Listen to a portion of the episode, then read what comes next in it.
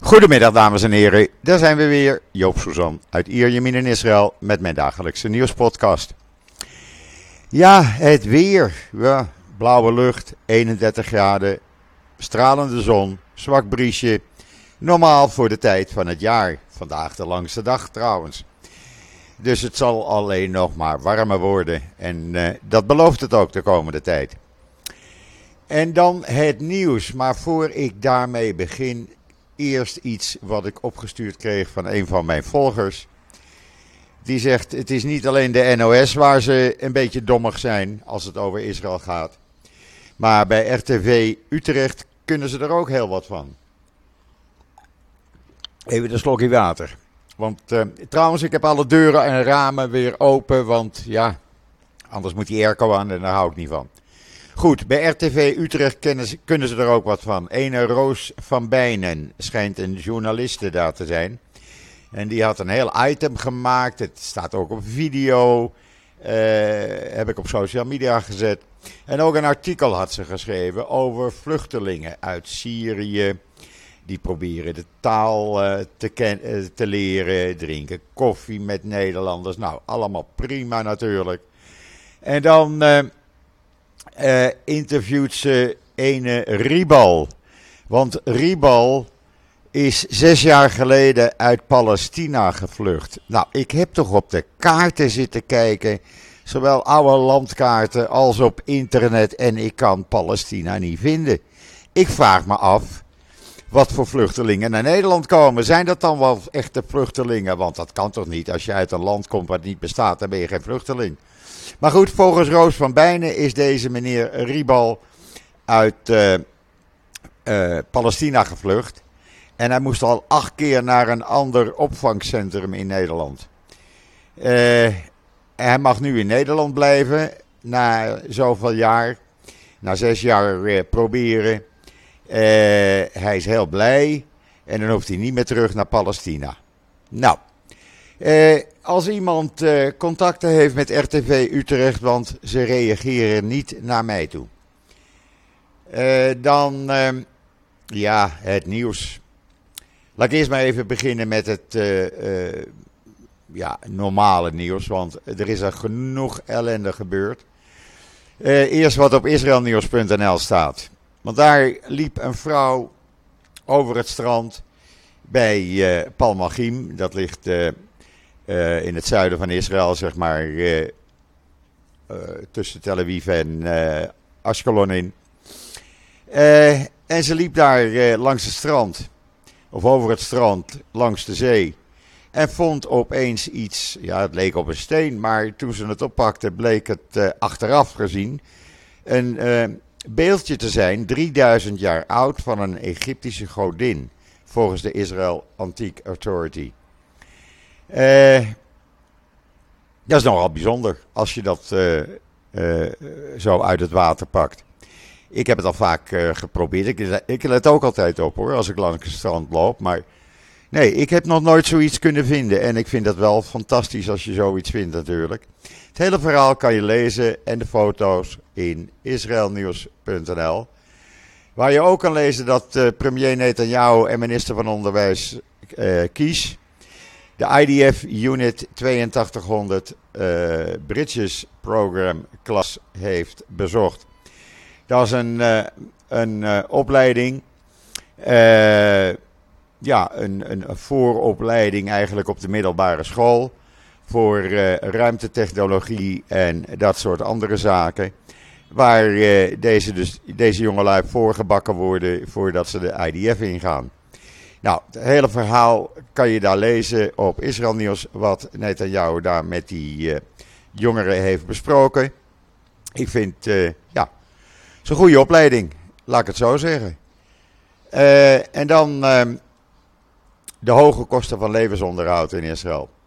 Ik kwam een heel artikel tegen bij het Israel Democratic Institute. En dat is een zeer vooraanstaande instelling hier in Israël. 60% van de bevolking vindt dat de overheid verantwoordelijk is voor de hoge prijzen van levensonderhoud.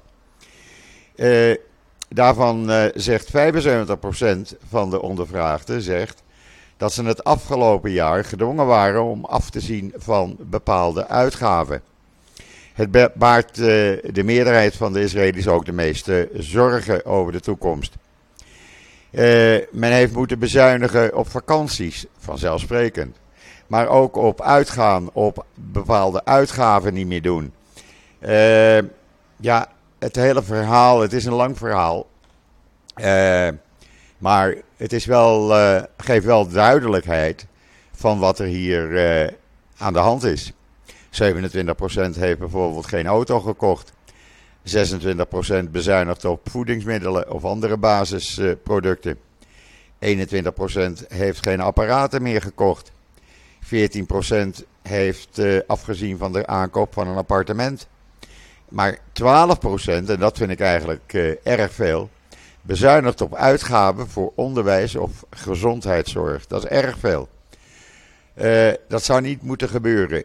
Ja, de regering heeft daar geen tijd voor, want gisteren. Nee, daar kom ik zo meteen wel op.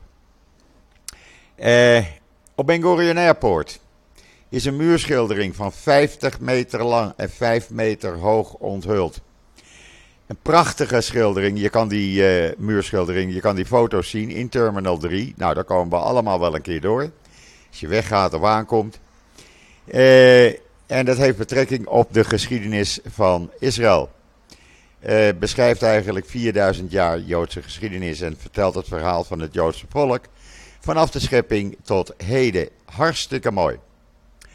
Ja, en dan gisteren vier Israëli's in koele bloeden gewoon vermoord. Drie zaten te eten, drie jongeren, in een goemoesrestaurant. En eentje stond daarnaast benzine te tanken, een wat oudere man in de zestig.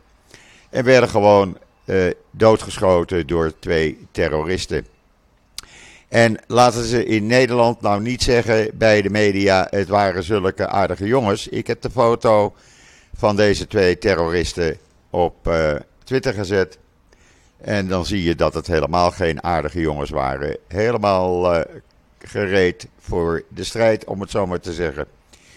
Uh, er ligt nog van de vier gewonden één slachtoffer in zeer kritieke toestand in het ziekenhuis. het gebeurde bij Eli. Dat is ongeveer een ja, minuut of 75, 80 oostelijk rijden van Tel Aviv. Als je het ruwweg zegt. En waarom dat nu moest worden gedaan, ja, uh, dat vermeldt het verhaal niet. Maar de Palestijnen en Hamas en Islamic Jihad, die begonnen al snoepjes uit te delen, want die waren er toch wel erg blij mee. Uh, natuurlijk hebben jullie het allemaal al gelezen. Ik heb er genoeg over gemeld. Het staat ook in alle kranten natuurlijk. Uh, die twee terroristen, eentje werd doodgeschoten door een burger, die hem gelukkig raakte, en die andere die vluchtte in een auto weg, stapte daarna over in een taxi. De IDF kreeg dat in de gaten. Hij uh, wilde zich niet overgeven en is ook naar de andere wereld gebracht. Inmiddels heeft de IDF uh, de huizen van deze twee terroristen in kaart gebracht, want die hebben ze toch niet meer nodig. Dus die zullen binnenkort gesloopt worden. Maar ja, wat gebeurt er dan? Dan gaan meneer Smotrich en meneer Benkwier naar die plek toe. Uh, meneer Smotrich zou eigenlijk een vergadering voorzitten voor, uh, om de kosten van levensonderhoud te bespreken. Dat is dus niet doorgegaan, dat is weer uitgesteld, dus die kosten blijven hoog. wat hij daar nou moet doen, ja, ik weet het niet. Maar ze deden bepaalde uitspraken die settlers of kolonisten, van de een mag ik geen kolonist meer noemen, van de andere moet ik het kolonist noemen eh, mensen die in die nederzettingen wonen, die dachten van weet je wat, onze leiders die in de regering zitten, spreken zulke ferme taal. Eh, ze hebben 140 eh, Palestijnse auto's in de fik gestoken in verschillende plaatsen op de Westbank. Ze hebben landbouwgronden vernield, in brand gestoken. En minstens 34 mensen uh, zijn gewond geraakt. Je moet het recht niet in eigen hand gaan nemen. Ook al uh, jutten je leiders die in de regering zitten je op. Doe het niet. Het is zo onverstandig, want het ene geweld lokt het andere geweld weer uit. En dan krijg je een vicieuze cirkel en op een gegeven ogenblik zitten we weer in de derde intifada. Want die kant gaat het uit. Geloof mij maar. Want ja, de settlers willen ook een illegale outpost of een illegale nederzetting. Daar zijn ze vannacht met een paar honderd naartoe gegaan. Die hebben ze bezet, want ze eisen van Netanyahu dat hij die illegale nederzetting Evitar legaliseert. Want hun leiders, Smotrich en Benkwier, willen dat ook. Dus die hebben dat nu bezet. Ja, dan doen andere leiders van de kolonisten nog een schepje erbovenop. Meneer Yossi Dagan. en de hoofdrabijn van de nederzettingen. Die eh, ook zeggen dat is heel goed en we moeten de Palestijnen in elkaar slaan. Eh, omdat er vier mensen zijn vermoord. Ja, en uh, Ben Gwier die deed zulke ferme uitspraken dat Netanyahu niets anders kon doen dan na een bijeenkomst van allerlei hoofden van veiligheidsdiensten te zeggen alle opties liggen open, alles ligt op tafel naar aanleiding van deze aanval. Opvallende was dat meneer Ben niet bij deze bijeenkomst is was uitgenodigd. Hij was er wel op weg naar, want hij was eerst in Eli geweest om zijn gezicht te laten zien en al schreeuwend het een en ander uh, te roepen. En zou toen naar die bijeenkomst van de Veiligheidsraad gaan, is hij niet welkom geweest. Dus hij mocht daar niet bij. Uh, moest natuurlijk ferme taal doen. En ja, hij staat in tussen twee vuren op dit moment. Ik zou niet graag in zijn schoenen willen staan. Want aan de ene kant heb je de IDF die zegt: laten we nou met overleg te werk gaan. En niet in het wilde weg met tanks en vliegtuigen zoals de uh, en Smotrich willen de Westbank ingaan en die steden allemaal gaan bezetten. Want ja, daar bereik je niks mee. Dan wordt het alleen maar van kwaad tot erger. Maar aan de andere kant, Netanyahu wil ook zijn regering bijeenhouden.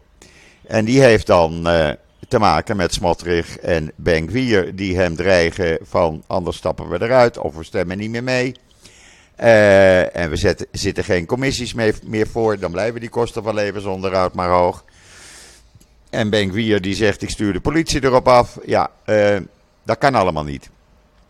Dus wat er gaat gebeuren, ja, ik kwam een, uh, een hele goede, hoe, hoe, noem je dat zo, opinie tegen van Ron Ben Yishai. Die heb ik erg hoog zitten. Ik vind dat een zeer goede schrijver. Hij heeft het altijd ja, bij het juiste eind, laat ik het zo maar zeggen. En die zegt in een opiniestuk in de Engelstalige Ynet dat de terreurgolf, ik moet even de telefoon afzetten, de terreurgolf in uh, Israël wordt een tsunami. Want hij zegt hoe meer terreurorganisaties geloven dat ze ondanks tussenkomst van veiligheidstroepen aanslagen kunnen plegen, hoe brutaler en frequenter deze aanvallen zullen worden.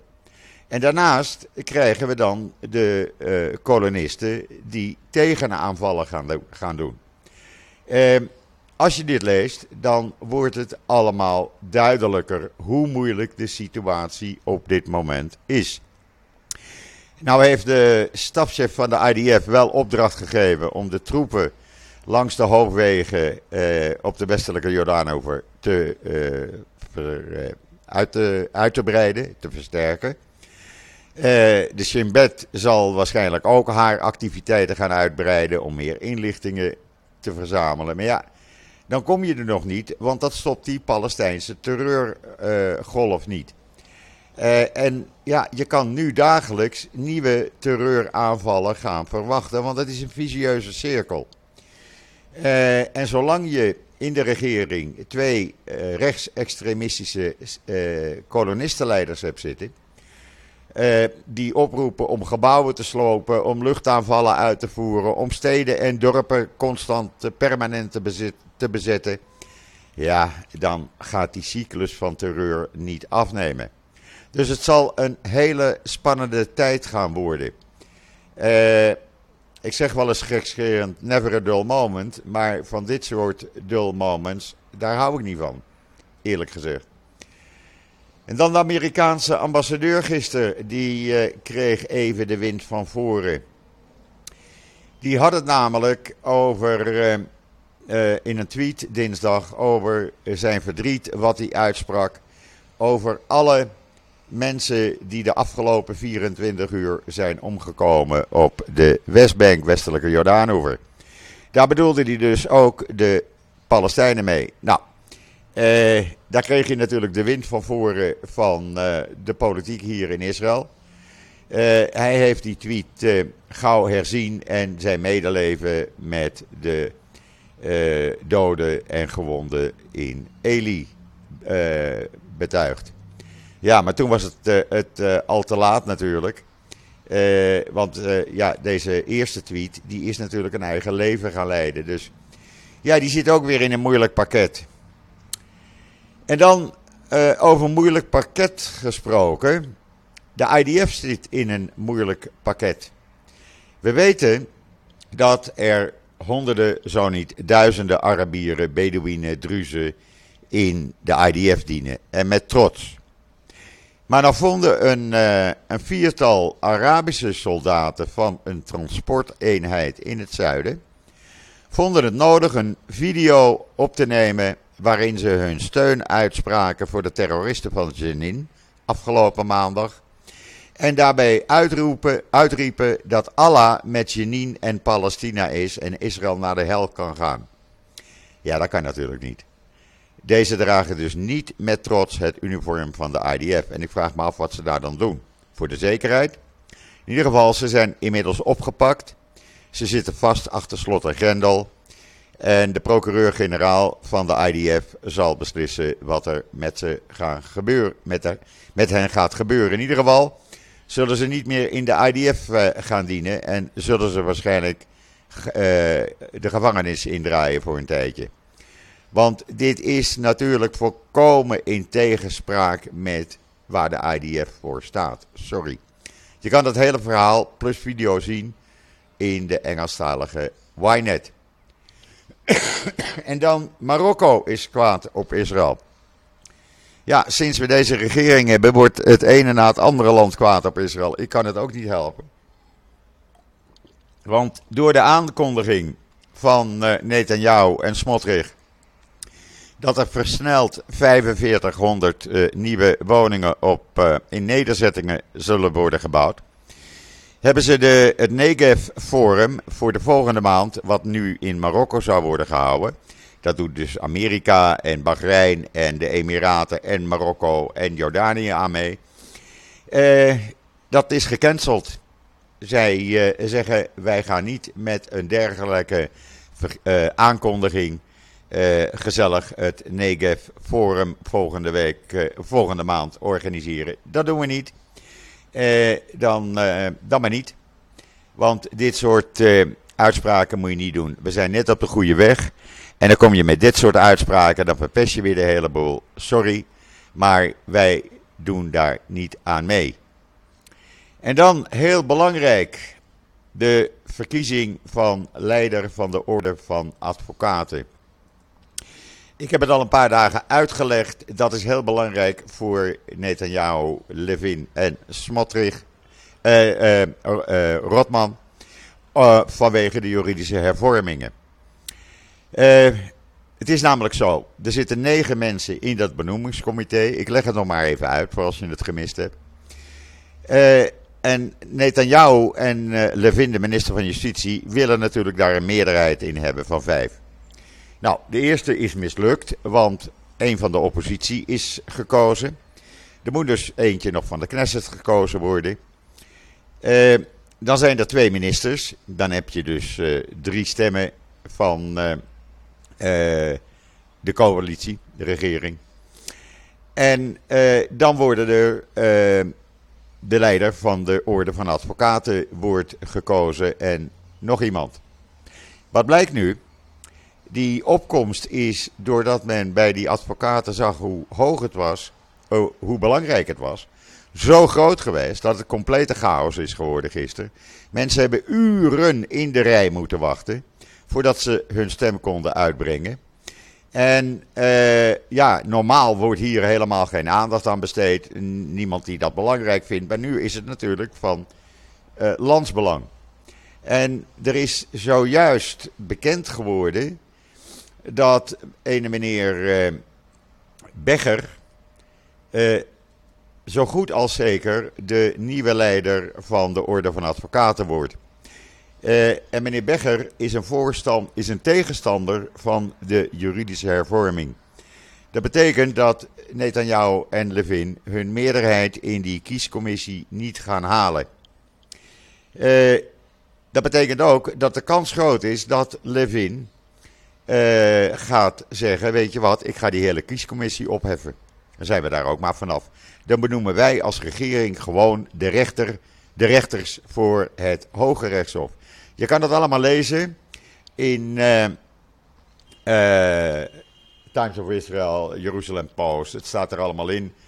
Uh, hoe meneer Becher nou, voor 99% zeker heeft gewonnen. later in de dag wordt dat 100%. ja, dat is natuurlijk een probleem. en meneer Rotman, ook een van die architecten van die juridische hervormingen. Die uh, zag die bui al hangen. En die komt met een wetsvoorstel. Ja, je gelooft het niet. Uh, waarbij de, het Hoge Rechtshof beslissingen van ministeries of wetsvoorstellen of wetten die worden aangenomen. eigenlijk niet meer kan beoordelen. Als die wet wordt aangenomen, en die kans is groot natuurlijk met een regering die 64 Knessetzetels heeft. Ja, dan uh, hebben we een soort dictatuur. Want dan is er niemand, maar dan ook niemand, die uh, wetten kan toetsen uh, aan juridische geldigheid. Of dat het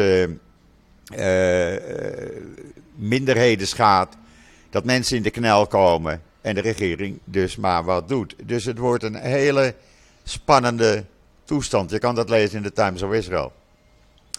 En dan even wat anders, want we hebben genoeg politiek gehad. Of, oh ja, dit is eigenlijk ook politiek. Maar in ieder geval, Amerika leidt 27 landen in het veroordelen van het onderzoek van de Verenigde Naties Mensenrechtenraad naar eh, eh,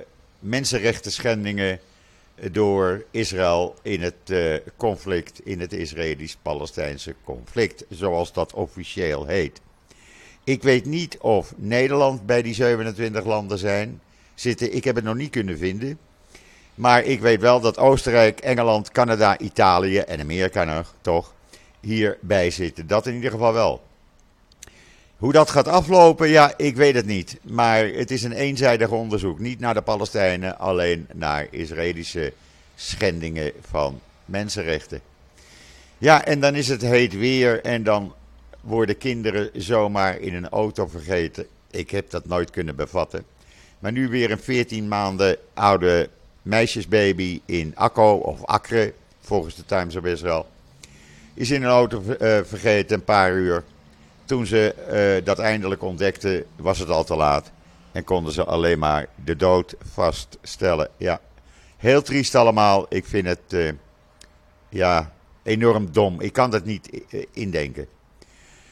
Ja, en over gestoorden, ze zitten ook in de Knesset. Echt waar. Want meneer Yitzhak Pindrus, Knesset-lid voor de ultra-orthodoxe United Torah Judaism Partij. Die zei gisteren in een interview met Channel 12 dat de LGBTQ-gemeenschap, oftewel de homoseksuele gemeenschap in Israël, het gevaarlijkste risico voor de staat Israël is. Het is nog een groter risico dan ISIS, Hezbollah, Hamas of welke terreurorganisatie ook. En als het aan mij lag, zei hij erbij, zou ik niet alleen de uh, Gay Pride uh, Mars, maar de hele beweging verbieden. Ja, sorry hoor. Uh, dit soort opmerkingen ik, dan leef je op een andere planeet. dan ben je een racist. Heel simpel. Ben je gewoon een racist. Ik zeg het openlijk, zo is het gewoon. laat iedereen in zijn waarde. Laat iedereen leven zoals hij wil leven, zonder anderen schade aan te doen. Klaar. En dan uh, nog even meneer Benkwier. Ja, hij zal een dag niet in de podcast zitten. Nou, het kan haast niet. Meneer Benkwier heeft er geen enkele moeite mee om nepnieuws gewoon rond te tweeten en op social media te zetten. Hij had het uh, een paar dagen geleden in een tweet erover uh, dat uh, regering, anti-regeringsdemonstranten dus iedereen die op zaterdagavond staat te demonstreren, die zouden bezig zijn met het publiceren van persoonlijke gegevens van politieagenten. Om hen als verrader te bestempelen. Nou, wat was het nou? Er was fake nieuws uit Iran. Die had dat in heel slecht Hebreeuws op social media gezet. Hij heeft dat overgenomen. Of, en aannemende, dat komt zeker van de, die uh, leiders van de uh, anti-regeringsdemonstraties uh, vandaan. Toen hij in de gaten kreeg dat het fake nieuws was, heeft hij wel gezegd dat het niet zo is. Maar hij heeft die tweet nooit eraf gehaald. Die staat dus gewoon nog op Twitter. Zo dom is meneer Ben Gwier. Ja, ik kan het ook niet helpen, maar het is wel zo. En dan zijn er documenten vrijgegeven. En volgens de Jeruzalem Post is er eentje bij. Waarbij Israël in het verleden eh, in, tijdens de vredesbesprekingen met de Palestijnen tussen 2000 en 2001 in principe had ingestemd met het afstaan van zijn soevereiniteit over bepaalde delen van de oude stad van Jeruzalem, waaronder een deel van de Tempelberg. Uh, die uh, besprekingen, misschien herinner je het nog wel, die gebeurden uh, toen Barak premier was. Ik weet, ik kan me herinneren dat Barak bereid was iets van 92% van de Westbank af te staan. Arafat die wilde 94 of 96% of misschien de hele Westbank. In ieder geval, daar is het toen op geklapt. Maar dat hij dit ook had toegezegd, dat was mij even ontgaan. In ieder geval, je kan het hele verhaal lezen in de Jeruzalem Post vandaag. En dan de Druzen op de Golan hebben groot gelijk. Geen windmolens op de Golan. Het helpt toch niet. Nou, ze gingen gisteren proberen te bouwen. Dat werden natuurlijk demonstraties. Daar kwam de politie met een waterkanon op af.